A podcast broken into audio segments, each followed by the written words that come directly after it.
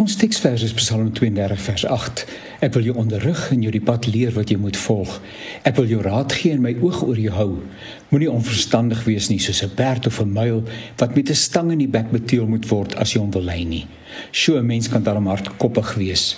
Maak nie saak wat wie sê nie, jy slaan doodgewoon jou eie koers in sonder om jou aan enige iemand te steur. Dis ongetwyfeld twyfeld soms waar van my en ek wil my verstout om te sê dat jy ook daarmee kan identifiseer. Jy sal eers deur die ongelukkige en dikwels hartseer oefening gaan voordat jy na ander se goedbedoelde raad luister. Uiteraard beteken dit nie dat 'n mens nie jou eie besluite moet en kan maak nie. Immers, jy is jou eie mens. Ruggraatloosheid is nie mooi nie. Mens plons nie sommer in 'n patetiese klompie neer net omdat iemand anders van jou verskil nie. Mens loop nie konsekwent die weg van die minste weerstand nie. Daar is tye wat die kool die sous nie werd is nie en dit beter is om doodgewoon saam te vloei.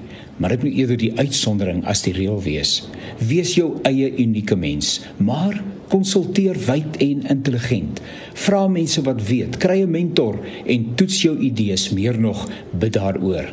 Die Bybel sê, die vrede van God sal en moet jou lei in al jou besluite. Om 'n besluit te maak en deur te voer terwyl groot onstuimigheid aan jou binnekant woel, is dom. Hoe moet die Here dan tot jou deurdring? Die onstuimigheid is moontlik van die Heilige Gees. Neem tyd en probeer verstaan wat aan die gang is. As dit vrees is, wil die Here jou versterk. As dit egter die verkeerde besluit is, wil hy jou bewaar van die chaos wat mag volg. Die teks wat vandag aangehaal word, is mooi en besonder. Wie beter om 'n mens in jou besluitneming te adviseer as juist die Here nie? Hier beloof hy dit. Hy stel intens belang in dit waarmee jy besig is. Hy het mos 'n plan vir jou lewe en wil jou gaande weg lei om dit te verwesenlik. 'n Steeksdonkie kry niks gedoen nie. Hy moet in die bek geruk word. Ag, moenie dit hardkoppigheid jou spreek woordelik in die bek ruk nie.